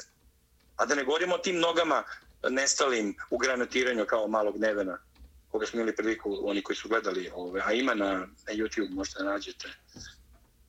RTS je postavio, naravno, bez špice i bez objašnjenja ko šta i kako, ali taj, to obeležavanje u Luje u Busijama 4. augusta postoji znači, na, na internetu, pa možete pogledate nešto od toga o čemu ovdje govorimo, da i osjetite sami neposredno ono što smo svi mi osjetili tog dana na Blagu Mariju, na Mariju Magdalinu uveče. Znači taj, znači taj prostor vremenski, kalendarski od ognjene Marije, koja je poznata kao ognjena Marija Livanjska, zbog onih strašnih zločina od nama pa do Blage Marije, tih to malom periodu vremena tako preko Svetog Ilije, ti ovi užasni zločini nad nama koji nisu procesuirani, o, kome se ne, o kojima se ne govori, koji nikog ne interesuju, a za koje mi moramo da se izborimo, jer preko toga se mi branimo. To je naš tit od zla u budućnosti. Ili će naši potomci da nas preziru, sa pravom da nas preziru, zato što smo ih izložili još jednom stradanju i zato smo pristali da zaboravimo ono što se ne sme nikada zaboraviti. Da, Dragoslave, da zaključimo mm, deo ovog razgovora konstatacijom satrti, poraziti zlo nije zločin. To je ono, suprostavljanje zlu silom, a ne zlom. Pazite, nije isto suprostavljanje zlu zlom, jer tu onda dolazi do toga da neprijatelj, sve što vas je pobio, nataro vas je zajedno s njim odete u pakao posle svega i da budete zločinci. Ja zato kažem satrti zlo. Ne, ne, kažem, ne, ne, ne kažem, ja dopunjavam da. to što se kazao da, da, da. da bi naglasio važnost toga da je, mi mislimo da je suprotstavljanje zlu mora zlom. Ne, silom. Silom, ne zlom, je. silom. Silom onih svetih ratnika sa zidova Manasije, tako silom je. despota Stefana, silom Karadžorđa, silom naših oklopnika, uh, cara Dušana, silom Vitezova, uh, za kralja Milutina, znači silom hrabrošću naših hajduka, naših vojnika iz Prvog rata, naših kaplara, naših majora, junačkih, e, svih naših boraca gerilaca. Znači, to je ono što je, što je do nas. Do nas je da se suprostavljamo muški koliko možemo i solidarno. Između sebe pre svega da bi se održali i da bi mogli da se sukubimo sa tako moćnim neprijateljem koji ima podršku i pomoć sa svih strana, nažalost, mnogo veću podršku od svoje dijaspore nego što mi ovdje u Srbiji imamo od naše, nažalost. stanje. da će Bog da se to promeni. Da, da će Bog. Dragoslave, počeo je lov na Srbe u Bosni i Hercegovini, odnosno Republici Srpskoj, na osnovu Inskovog zakona o Srebrenici, zahvaljujući pod navodnicima rezoluciji Skupštine Crne Gore o zabrani negiranja genocida u Srebrenici, a prvi na udaru je predsjednik boračke organizacije Republike Srpske Milomir Savić, general Milomir Savčić, oprostite, za kojim je danas sud Bosne i Hercegovine raspisao međunarodnu poternicu. Znate kako, Bakir Izetbegović je mrtav hlada pomenuo dve stvari zbog koje bi bilo koji srpski političar ili državnik bio razapet na stup srama. A to je prošlo nezapaženo. Pomenuo je osvetu, da žele osvetu, oni žele osvetu. I drugo stvar rekao je da, da tek čeka drugo polovreme Republiku Srpsku i sve na Srbe. Drugo polovreme. Znači, novi rat. Znači, prizivajući novi rat koji su već jednom izazvali, oni pokušavaju da dovrše svoj projekat nestanak Srba iz čitave NDH regije. NDH regija je obuhvatala Hrvatsku, da se setimo toga, i Bosnu. Tako je. U tom ludačkom planu, pa Tuđman je na tu novokomponovanu zastavu svoje države stavio je, među one grbove koje stavio, stavljen je i grb Bosne. Tako da je u Hrvatskoj zastavi grb Bosne, ali imate zastavu Velike Hrvatske u stvari. To niko ni ne primećuje. A da ne govorimo te kad stave onaj belu kockicu s leve strane da njom počne, čisto da bi i natili se i da bi pokazali da su naslednici Luburića, Francetića, Avelića i ostalih ustaša i Crne legije. Znate, Crna legija, ljudi e, ne znaju, ona najodgovornija za jezire zločine kod Rine, kod starog, e, kod starog broda, znate, nekad su devojke se držale za ruku, srpkinje skakale sa stene da ne bi bile silovane i kad su decu bacale u virove da ne bi bila klana deca naša, e, ta, ta ovaj, satanska njihova crna legija bila je pola-pola. Bila je pola muslimana, pola Hrvata, rimokatolika, pola, pola muslimana koji su bili antisrpski orijentisani i klali su tu, pola-pola. Mi to zaboravljamo. Mi zaboravljamo to njihovo jedinstvo u mržnji i borbi protiv Srba i nijedan njihov oficir nije kažnjen, nijedan jedini za zločin na Srbima. Jedini, jedino što su kažnjeni neki hrvatski oficiri zbog zločina nad eh, muslimanima u njihovom delu sukoba koji je također postojao oko Mostara i Ahvića i na nekim drugim mestima tamo. Znači, ubijanje Srba je dozvoljeno. To se ne kažnjava. Znate, kao što se nije kažnjavalo ubistvo jevreja, kao se nije kažnjavalo ubistvo crnaca, ili ubistvo indijanaca, ili ubistvo jermena, ili ubistvo aboriđina. Znači, to je ono kao neki osuđeni, neki e, žrtve ono koje su koje ništa ne košta kao robovi znate koje ubijate slobodno ubijate a a ti robovi se međusobno svađaju e, urlaju jedni na druge mrze se i ne znam šta rade to je neverovatno kakva čudna situacija ali se otvara priča potećemo se ja sam sam tamo na na scenu ovaj u Busijama su uh, petoro preživelih iz Jasenovca nekadašnje dece uh, su izašli da se poklone pred čitavom, pred čitavim srpskim narodom koji je to, koji je to gledao, ovaj, koji je aplauzom i sa suzama gledao te starce od 90 godina koji su bili deca u Jasenbarskom Sisku, Gradišci, Jasenovcu i koji su opet nekim slučajem preživeli za razliku od njihovih porodica koje su sva stradala. Svi su oni ono, postradali, jezio postradali. U svakog od njih smo uz njegovo ime, prezime, e, mesto rođenja i godinu, naveli komu je sve zaklan ubijen e, i ne znam e, ovaj, ili nestao tokom drugog svjetskog rata koga nikad nisu mogli više da vidjeti. Sve siročići posle toga. Ta posljednja generacija preživjelih iz Jasanovca i logora paklene nezavisne države Hrvatske su sada starci. To je posljednja generacija. Oni kad pomno, to će biti ovih godina, pošto imaju 90, neki 95 godina, među njima, onda će to biti posljednja generacija živih. Ja sam sa njima, ja sam time ponosim prijatelj, lični prijatelj sa njima i, i insistirao sam da oni dođu i da budu tu na sceni i da ih svi zajedno pogledamo e, i oni nas oči u oči da se pogledamo i da u tom našem zajedničkom pogledu, u susretu očima i osjećanjima e, obećamo nemi zavet, damo nemu zakletvu e, da ćemo uh, da nikada nećemo dopustiti da se to ponovi, to što se njima dogodilo. Što se njima realno dogodilo. Znate, oni su proveli noći i noći u Jasanovcu, Jasebarskom i gledali kako časne sestre kao vampiruše tamo lebde, kako ti jezivi likovi u crnim uniformama, ti tamo čuvari dolaze, gaze ih, vrište, urlaju na njih, oni drhte, izgladnjuju, moraju da gledaju u sunce dok ne oslepe, jedu po travi bačene, bačene otpadke u kojima je srča staklena, pa onda umiru u jezivim mukama. Mislim, to je sve toliko strašno, toliko jezivo, toliko, pa zamisle samo silovanje bebe. Pa sad ćemo pričamo drugu priču. A oni se ne kraju zbog toga. Oni objavljuju, već, već deseta knjige objavljeno u posljednjih nekog godina da govore da su u Jasnovcu bio radni logor, da su Srbi ubili Hrvati. I o tome da e, su se tamo svirale gitare, ila odbojka, pozemljivale knjige iz biblioteke, čak i takva jeziva gadost da su neki Srbi puštani iz Jasenovca, tobože, i da nisu hteli da odu jer, jer im je lepše i bolje bilo ove, u Jasenovcu nego, nego kod sebe kući u svojim selima. Mislim, to je, do koje mere taj cinizam ledeni pakleni ide njihov, e, ja moram da samo podsjetim na moju rečenicu koju sam jednom prilikom izgovorio i koja mi opet sad pada na pamet, a to da je e, u paklu službeni jezik hrvatski. I to ne kažem bez veze. To kažem upravo zato što se nadam da će neka generacija Hrvata odustati od tog jezika mržnje i od tog jezika te tog ludačkog, unutar slovenskog rasizma, nenormalnog rasizma, koji čak nema ni rasističko ono objašnjenje koje je užasno i besmisleno, ali postoji makar neka fraza iza toga stoji. Ne, oni su uh, od nas potekli, pazite, u Bosni, muslimani, tu ne postoji ono 5% Turaka bivših. To su sve pravoslavni Srbi koji su se islamizirani tokom raznih generacija. Pa to je jasno kao dan. Pa to je e, tim tragom je i Mešo Selimović pronašao e, sebe kao Srbina i Emir Kusturica se ponovo pokrstio i pronašao tu vezu sa tim predsima davnim koji su napustili to.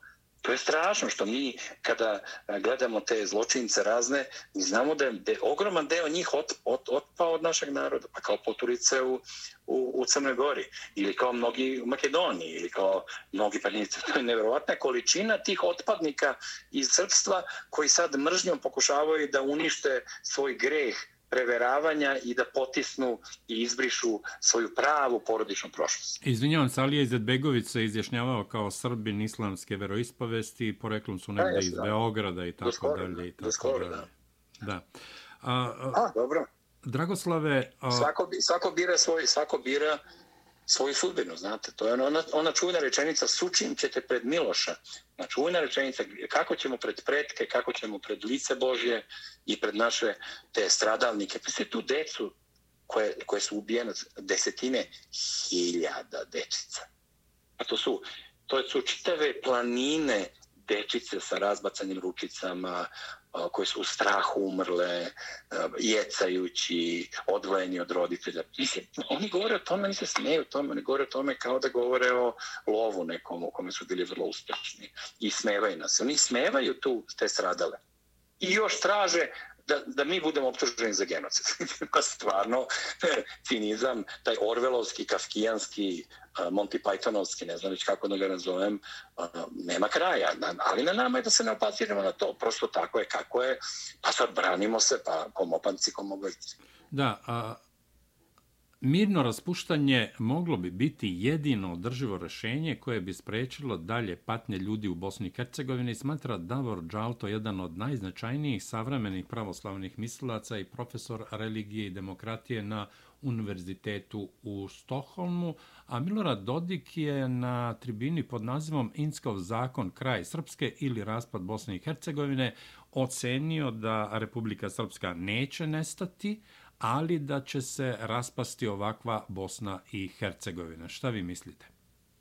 Pa dobro, Đalto živi u svojim retoričkim iluzijama o demokratiji, mislim i, i o nekim umaštanju o stvarima koje su neostvarive. Ne može se tek tako vratiti mir kada neko želi rat, kad neko govori o osveti, o drugom polovremenu, kad postoji mržnje prema Srbima, kad srebreničke majke umjesto da zagrle bratunačke majke, da zagrle bratunačke majke, jer su i njihova deca stradala. I to pre ove dece. Tako je. Ubijana od njihovih sinova nad kojim plaću srebreničke majke. Njihovi sinovi su ubijali decu tih bratunačkih i drugih tamo majajskih iz kravica i svih tih mesta. Što ih ne zagrle? Što ne pokažu neku, neku, neke, neke, ne, trunku humanosti? Trunku humanosti. Parče srca. Propagandistkinje. Jezive jezive kao veštice. To je stvarno, to je stvarno strašno. Tako da e, stvari će biti opasne i ići će do ilice sukoba, to je jasno kao dan, to ne može se izbegne. Mislim, šta će neko da se promeni o tome. Ali postoji senka uporne podrške ruske, kineske, indijske, mađarske i mnogih drugih zemalja ta podrška ne želi rat još jedan puta u sred Evrope, ne želi i mnogi se kaju, vidjeli smo Čehe i ostale i to njihove državnike, kaju što su učestvovali u tom bombardovanju, ničim izazvanom bombardovanju Srba koji ništa nisu radili ni jednoj od tih zemalja. A ubijali su nas i decu i žene i, i te klince regrute i, i uništavali privredu. 100 milijardi dolara uništili I onda sad govorimo kao kako se živi ovde. Pa živi se tako kao što se živi u svim bombardovanjem porušenim, ucenjenim i e, ekonomski blokiranim zemljama. u kojima obavešene službe strane vršljaju i prave haos i dan danas i usmeravaju nas jedne na druge iz dana u dan, iz akcije u akciju, iz naslovne strane u naslovnu stranu. I to je, ako ne budemo bili jači od onoga što u naše medijsko pojilo oni sipaju, naši neprijatelji. Ako ne budemo bili jači, ne budemo odgurnuli nogom to medijsko pojilo i počeli da se napajemo na pravoslavlju, svetoslavlju, srpstvu, na našem ustaničkom, slobodoljubivom duhu, na osjećanju otačbine. Mislim, ako ne budemo imali snagu za to, onda ćemo nestati. Ako samo razmišljamo o mir, brate, mir i da li će neko letovati u hotelu sa četiri ili pet zvezdica, kakav je air condition, koliki je automobil koji vozi, pa onda smo gotovi. Takav narod ne može da opstane u ovakvim okolnostima. Samo ako pokažemo hrabrost, volju, spremnost na zajedničku borbu i žrtvu, onda ćemo nešto uraditi. I to Bog gleda, Bože pravde. A ako budemo bili gadovi, onda će nam Bog dodeliti ono što nas zaslužuje. Da ni mi ne vidimo lice gospodnjega, ne samo naši jezivi neprijatelji. Dragoslave, da zaključimo ovaj deo razgovora o Bosni i Hercegovini, odnosno o Republici Srpskoj i lovu na Srbe u Bosni i Hercegovini, izjavom Milorada Dodika, današnja izjava koji kaže čekamo novog Trumpa da proglasimo nezavisnost pa da pređemo na situaciju u Crnoj Gori, ako se slažete. Dobro, pa, a sve Dodik, se, Dodik je iznikao u uh, vođu srpskog naroda to ne znači da on moralno savršen. Da. To ne znači da on najpošteniji čovjek u regiji. To ne znači da on čovjek tankoćutni profesor koji celog života pazio da ne zalupi gla, jako vrata, da ne viče dogovorima. Ne, on je čovjek te kozačke politike i hajdučke prirode. I on je domaćin koji eh, brani, kao što brani svoju imovinu, kao uspešan privrednik celog života i borac i trgovac i kako god se to zvalo, on tako brani sad i narod koji predstavlja i Republiku Srpsku, isto kao što brani i svoje i kao što brani i svoju, svoju imovinu. Znate, tle, neki put je važno da vas brani neko ko ume da brani. Ne samo da lepo priča. I ne samo da govori da smo mi u pravo, da su neprijatelji ne valjali, ako ne možemo da se suprostavimo, ako ne možemo da pokažemo protivniku, da naše vođe, kakve god da su, imaju u sebi i neku crtu koja je, a, kako bi to rekli, a, koja je dovoljno čvrsta da ne popuste na pretnje. Oni su puni pretnje. Oni stalno prete. I na nama je da odupremo se pretnjama iz Prištine, pretnjama iz dela Podgorice, pretnjama iz Sarajeva, onog muslimanskog dela, pretnjama iz jezivog Zagreba, pretnjama raznoraznim. Tu postoji iza naravno i Ljubljana koja stoji iza svega toga zajedno sa ostalima koje oni su svoje iskoristili i odradili svoje također imajući uh, na sebi krv uh, krv srpsku i, i, i nepravdu. I nepravdu, jezivu nepravdu. Mislim, e, ako je neko nešto dobio od Srba 18. i između dva svetska rata i posle drugog svetska rata, to, to je Slovenija. Sve je išlo tamo. Kao kad bi se Kalifornija ocepila i rekla baš na briga za Wyoming ili za Jovu ili za, nemam pojma, e, ne znam, za bilo koji deo Montanu. Pa ne može tako, pa ne može tako, pa jedinstvo se i pravi tako, pa ne može neko da kuću deli tako što nekom ostavi WC, a on uzme dnevnu sobu i spavaću sobu. I to je i teras.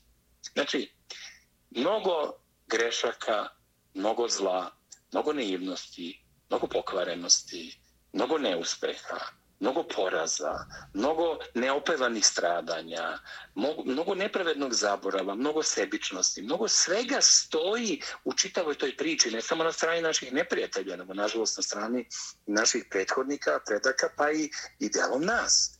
I sad je stani pani, znate, ili ćemo se obraniti ili se nećemo obraniti. to je cela sad priča.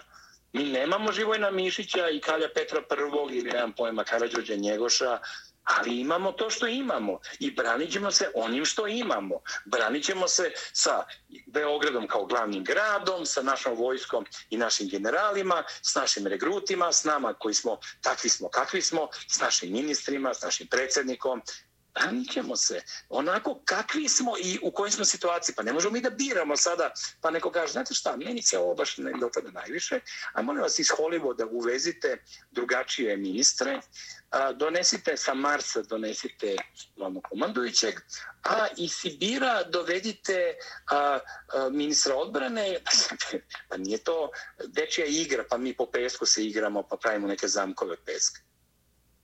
To je realnost mi postojimo ovakvi kao što postojimo. Ima nas koliko nas ima. I moramo da uradimo ono što mi sada u ovom trenutku možemo da uradimo. Da bi u sljedećem trenutku mogli više da uradimo. I u nekom trećem još više. Ja a, sam zato srećan, iako je to tako bilo sve tužno i, i strašno i tragično na obeležavanju e, paklene oluje, ali sam srećan što je, što je lestica podignuta, otažbinska lestica lesica patriotizma, lesica rodoljublja je podignuta. Podignuta. I s tom ulicom Ljubana jednaka će biti još više podignuta. I ako se neko od ljudi koji slušaju ovo bude tebi javio da da podršku, konkretnu podršku, finansijsku podršku ili logističku podršku ili ne znam već kako sve moguću podršku eh, preko tebe, nama koji smo ovde, ako misli da to što ja govorim ima nekog smisla, pa i tebi da pomogne i tvom radiju Chicago, koji, uh, srpskom radiju Chicago, bez koga ne bi mogli da čuje ovaj glas. Gde bi to slušali, na koji način bi čuli? Znači, postoji opasnost da oni postanu Amerikanci, da, znate ono, talas eh, vremena, promena, pritisaka, deca koji imaju posao, unuci koji su mali, koji polako odrastaju van ambijenta svog jezika, i praktično doći u poziciju, znate, kao onaj komadant Bonstila koji je bio srbim poreklom, išao u pravoslavnu crkvu i sve to lepo i krasno komandovao eh, vojskom, NATO vojskom komandovao na strani Šiptara tamo, mislim, bez obzira na njegova lične stavove, da ne bismo svi nestali, svi postali Amerikanci, Francuzi, Austrijanci ili već ne znam šta, nego da ostanemo Srbi u Americi, Srbi u Francuskoj, Srbi u Austriji, moramo da se međusobno gledamo, da se upoznamo, da zajedno radimo, da zajedno delujemo i da učinimo nešto, a ne samo da ono ispunimo slobodno vreme i kažemo je pa kao dobro je govorio ili ne, ne dopada mi se kako je govorio ne znam kako. I to moramo svi da se ujedinimo. Bez obzira na to da li je neko pravoslavan, adventista, ateista, da li je neko, ne znam, baptista, da li neko je New Age, ne znam šta, ali ako ima osje za Srbiju, ako ima osje za svetoslavlje kroz podvige naših junaka, ako mu srce zaigra kad vidi studenicu, žiču, visoke dečane, kad čuje veseli se srpske rode ili pukni zoro ili ovo je Srbija, pa daj Bože da se malo pomerimo, pa nismo mi najslabiji, najgori i najbedniji od svih u ovoj regiji. Pa nemoguće da su ovi mali miševi postali, ne znam sad, čudovišta, a mi, bivši lavovi, posado smo nezainteresovani građani sedični koji jedni druge gledaju i kažu crkni, sam si kriv, šta, što živiš tamo, što nisi otišao. Jezivo, a šta ako svi odemo, šta onda bude? Šta će biti onda?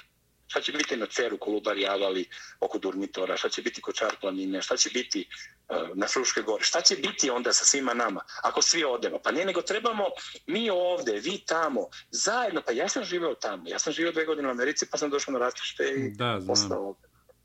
A eto, to je, to je sudbina. Ja nikom ne, ne prigovaram ništa. Svako od nas ima priliku da još uvek, tek sad, pokaže mnogo više nego do sad. To je prilika svakoga od vas koji slušate ovo. Nisam ja rođen da budem veći srbin od bilo koga od vas ili da više doprinesem ili da budem, ne znam, više omrznut od naših neprijatelja nego vi. Svi smo mi rođeni da budemo jedno, da se borimo svako po meri svoje sudbine. Nekom je sudbina gura ga u prvi plan, pa onda mora da izdrži to. Neko sa strane pomaže. Pozadina, ona pomaže vojsku i one prve odrede specijalne, bez toga nema, nema pobede u ratu.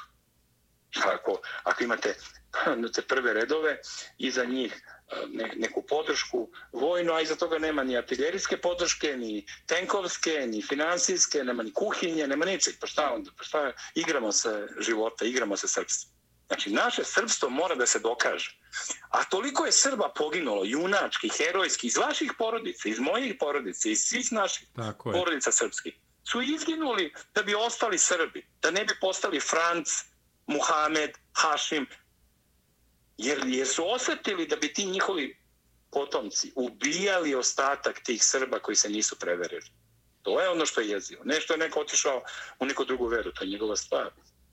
Nego što u našim regionalnim balkanskim uslovima to je značilo da polako prelaziš na stranu neprijatelja i da moraš se dokazuješ pred njim. Tako da bivši Srbi koji su prešli u rimokatoličanstvo i postojali na ukomponovani Hrvati moraju da se dokazuju pred onim Hrvatima koji su mađarskog ili nemaškog porekla. Dragoslave, da dokazali... Da, da, da, izvinjavam da. se. Ne, ne, pa kažem da bi dokazali uh, da su, uh, kako bi rekli, inicirani Znate, ono, kao kad mafija nekog prihvata tako što mora da ubije nekoga da bi ga prihvatili. Tako isto i, i nažalost, ti odrođeni Srbi koji prelaze e, među naše protivnike, posebno ovde u regiji, oni moraju da dokažu mržnjom prema Srbiji, e, izjavama, delima svojim, moraju da pokažu da su se oslobodili od bilo kakve veze sa srpskim narodom i srpstvom, da budu prvi u zločinu nad nekadašnjim sunarodnicima da bi ih ovi prihvatili. To je naša drama i mi moramo, koji smo još preostali, da se okupimo, sakupimo, jer sada su ovde i oni koji su bili za Đujića, i oni koji su bili za Jevđević, i oni koji su bili za a, mitropolita Dionisija, i oni koji su bili za patrijarha Pavla i Germana pre toga i oni koji su bili nekada se borili u uniformama srpsko dovršog korpusa i oni koji se borili među Kalabićevim četnicima i među, ne znam,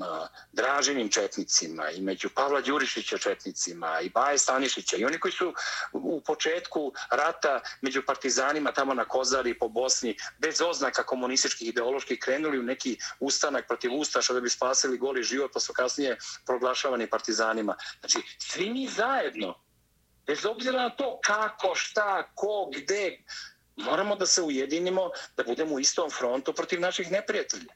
Kao što smo zajedno sa razvijenim zastavama na dočeku naših olimpijaca iz Tokija, tu smo svi zajedno, a među ljudima koji su tu ispod i mašu uh, trobojkama srpskim, ima raznih ljudi, znate, raznih sudbina, raznih života, tu ima ali smo eto zajedno, okupili smo se. A pa postoji bar hiljadu puta više razloga da se suprostavimo našim krvnim neprijateljima, naoružanim, punim mržnje prema nama, nego samo što proslavljamo naše uh, olimpijske šampione i učesnike i borce. To ide jedno s drugim. Da, slažem se apsolutno i evo da, da odemo malo ovako uh, razmišljajući javno do Crne Gore. Uh, Zdravko Kirokapić, predsjednik vlade Crne Gore, prosto tog čoveka evo kroz vesti pominjem u ovih 7-8 meseci non stop i to ne po dobru. Naime, Krivokapić hoće da pravi svoju stranku, saopštio je da neće proglasiti osnivanje stranke na uspenje presvete Bogorodice. U Crnoj Gori mnogi traže da se i crkva, odnosno Srpska pravoslavna crkva, oglasi na prevaru naroda posle izbora 30. avgusta.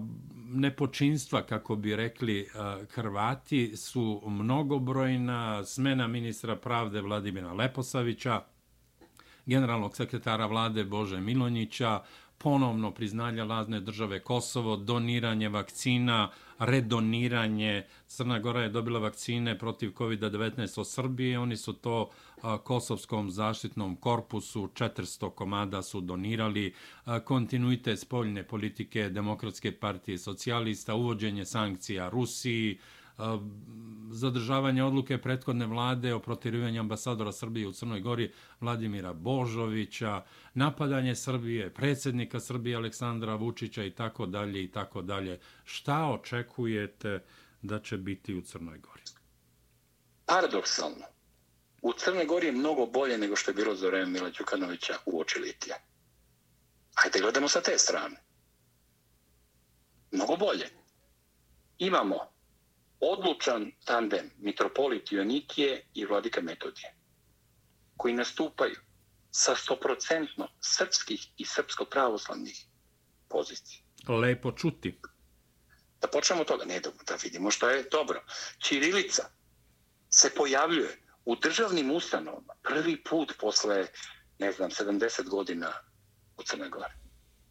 Imamo predsjednike opština, primorskih opština i dela opština drugih, koji su sve od reda srpske i srpske priče. I srpske orijentisani sa srpskim građanima u tim opštinama, na tom nivou toga. Imamo ljude ko, poput Gojka i sa Info3S i nacionalnom televizijom, poput toliko mnogo ljudi mladih, Vladislava Dajkovića, e, ne znam, Andrije Mandića Knježevića, ali mnogi drugih ljudi, raznoraznih koji su tamo, koji su profesori univerziteta, intelektualci, koji su pravoslavni, crkveni, koji se e, suprotstavljaju Milovo, Milovom bezbožništvu i veličanju Crnogorske pravoslavne crkve Miraša Dedejića. Miraša Dedejića, ta njegova kvazi crkva, njegova sekta, nije ojačala sad promenom vlasti. Nije ojačala, niti je predsjednik vlade Krivokapić prešao kod njih. Znači, ja sad govorim o, o, o tim odblescima svetla u tom mraku. U tom iznenađujućem mraku. Uvijek moramo da budemo pravedni, da vidimo Razumem, šta je naravno. dobro, šta je loše. Sve što se nabrojali, Milorad, sve je istina. To su sve odvratne stvari. Ali sada Crna Gora nije u rukama mafijaša. On je bilo u rukama krvožednih mafijaša koji su sekli glave i slali e, preko raznih aplikacija poruke jedni drugima i slagali leva noga iznad uveta, desna noga umjesto, ne znam, e, ono, stavljena na mesto gdje je glava. Mislim, to je bilo jezivo. Znači, e, nova vlast, kakva god ona prespor, u istom geopolitičkom koritu, nažalost, koje I naravno, samo da dodam, posle 30 godina sunovrata, pljačke, otimačine, mafijaške hobotnice, nije lako koje, koje? ispraviti sve. Ali, pa nije, ne samo što nije lako. Njihov naj, najveći greh nove vlade je u tome što isključuju one koji su srpski orijentisani od onih koji su diplomatski Srbi, a ne do kraja Srbi. Znači, oni njih isključuju iz vlasti, e, pre svega, naravno, Demokratski front. Drugi njihov greh je u tome što je Beograd postao kriv za sve i stalno se govori protiv Beograda, a ne govori se protiv Zagreba, Prištine i ostalo. Treći njihov greh je što presporo menjaju stvari koje moraju da se promene. Recimo, ove godine nije na proslavu njihove oluje, nije otišao niko iz Crne Gore, za razliku od prošle prepošle godine. Tako je. Pa dobro, ja, ja kažem, uvek volim da primetim šta, ali zato je u Srebrenicu se plavili ljudi iz Beograda, tipa Čede Jovanović, Čanka, ne znam ko je sve bio tamo, i odatle, i ovi, i on. Znači, jednostavno, to je jedno vrenje u kome su Srbi na čvršćoj poziciji u Crnoj Gori nego što su bili pre Litije. I drugo, te Litije nisu bilo šta, one su ostavile neki trag u tim ljudima. Iako, su, iako je magla i dalje spuštena, nije se razvejala ta magla, još uvek Njegoš nije postao ponovno ideolog tog crnogorskog srpstva. Još uvek ti uh, e, posljedice više decenijske dresure antisrpske, antisrpske, antisrpske je još uvijek imaju svoje posljedice. Pa to ne može se reši tek tako. To je proces. Delom je proces počeo, delom nažalost nije počeo, delom je prespor. Ali naše je da se borimo, s jedne strane, da oštro kritikujemo užasne stvari koje moramo da kritikujemo. A opet s druge strane da podržavamo, da podržavamo one, one koji su na srpskoj strani, na otačbinskoj strani, na našoj strani i na strani naših predaka, a tamo živa. Ne da i njih odbacimo zajedno sa svima ostalim. Jer on, to će biti posljedica našeg razočarenja ako budemo pretarali u tome kao što inače imamo običaj. I on, samo da vam kažem, temeljni ugovor je vraćen na staro na ono što je odobrila Srpska pravoslavna crkva. Onda je nakon toga pokušao e, e, premijer Krivokapić je pokušao da promeni i to nagore, da menja u, u, u smanjenju onog srpskog u Srpskoj pravoslavnoj crkvi da bi to bilo prihvaćeno. Naša crkva je odlučno rekla ne može. I on je, on je odustao. On je poklekao, Bogu hvala, u tome. I vratio na staro.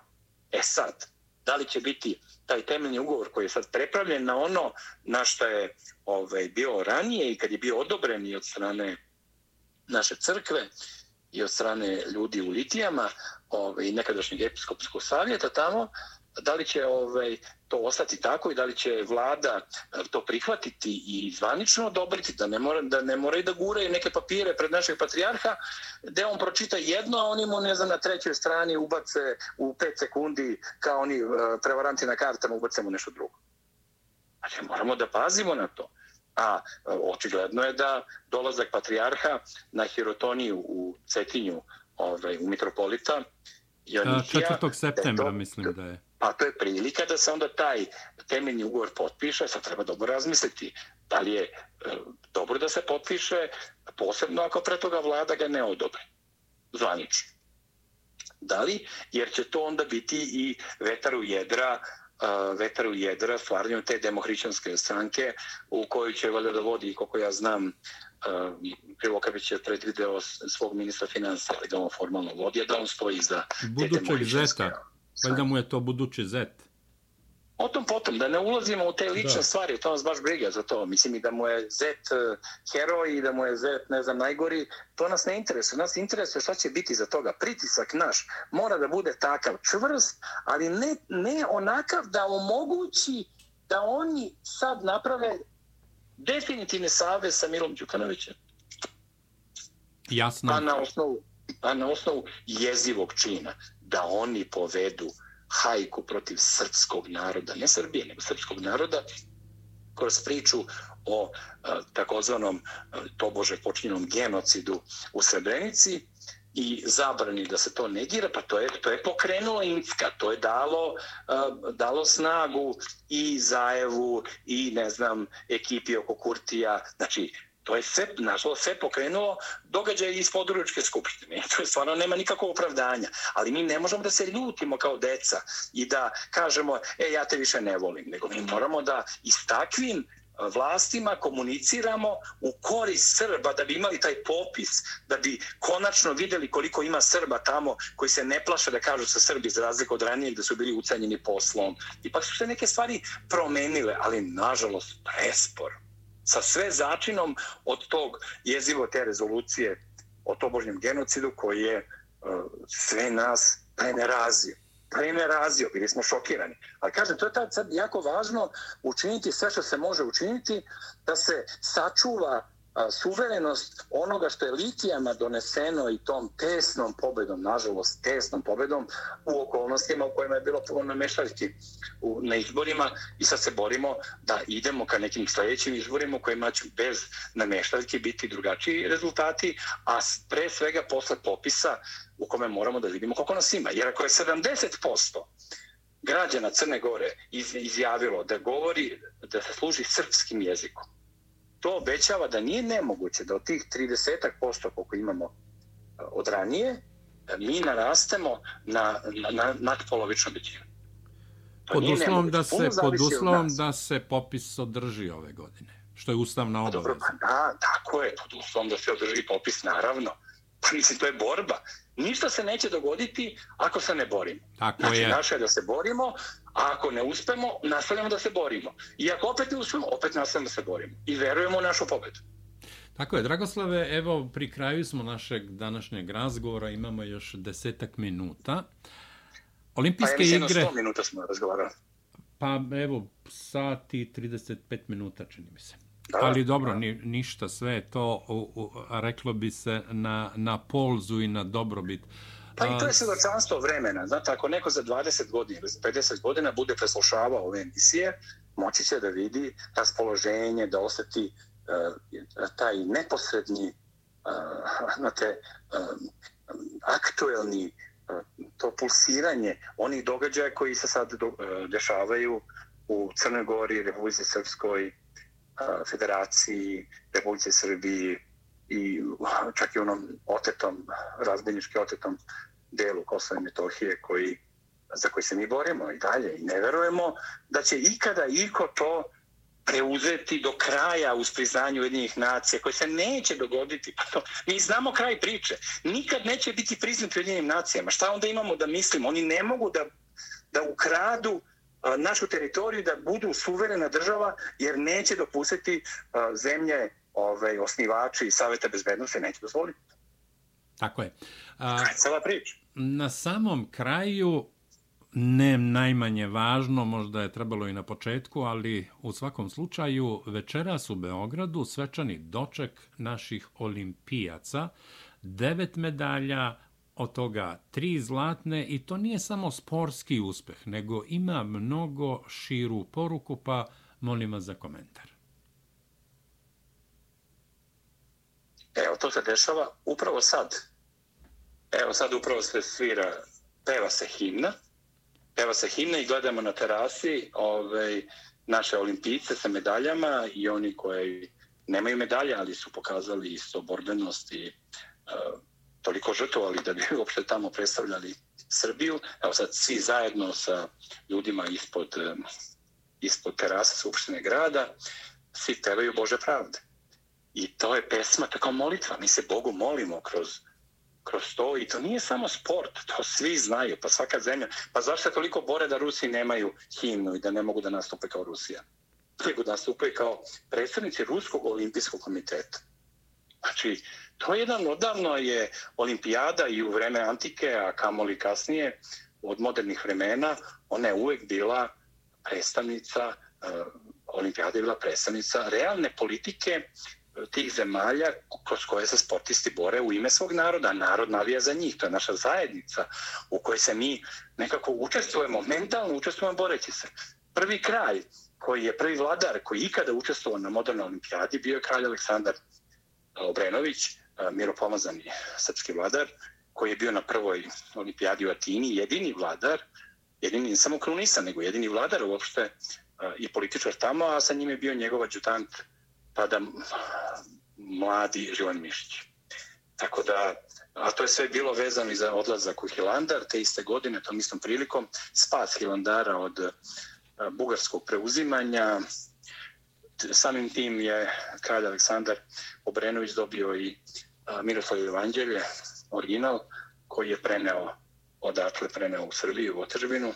Tako da je to delovanje E, nas i u inostranstvu, eto to u Grčkoj, pa onda na Svetoj Gori, to je sve uvezano sa našom sudbinom. Tako je to i danas, ako Bog da i to na terasi tamo u Beogradu, ispred Skupštine grada, e, odmah kraj osmatračnice, ne znam, mnogi ne znaju da u tom parku preko puta Skupštine, e, ove Savezne Skupštine nekadašnje, sada Skupštine Srbije, one velike kupu sa kupolom, se nalazi osmatračnica sa Solonskog fronta.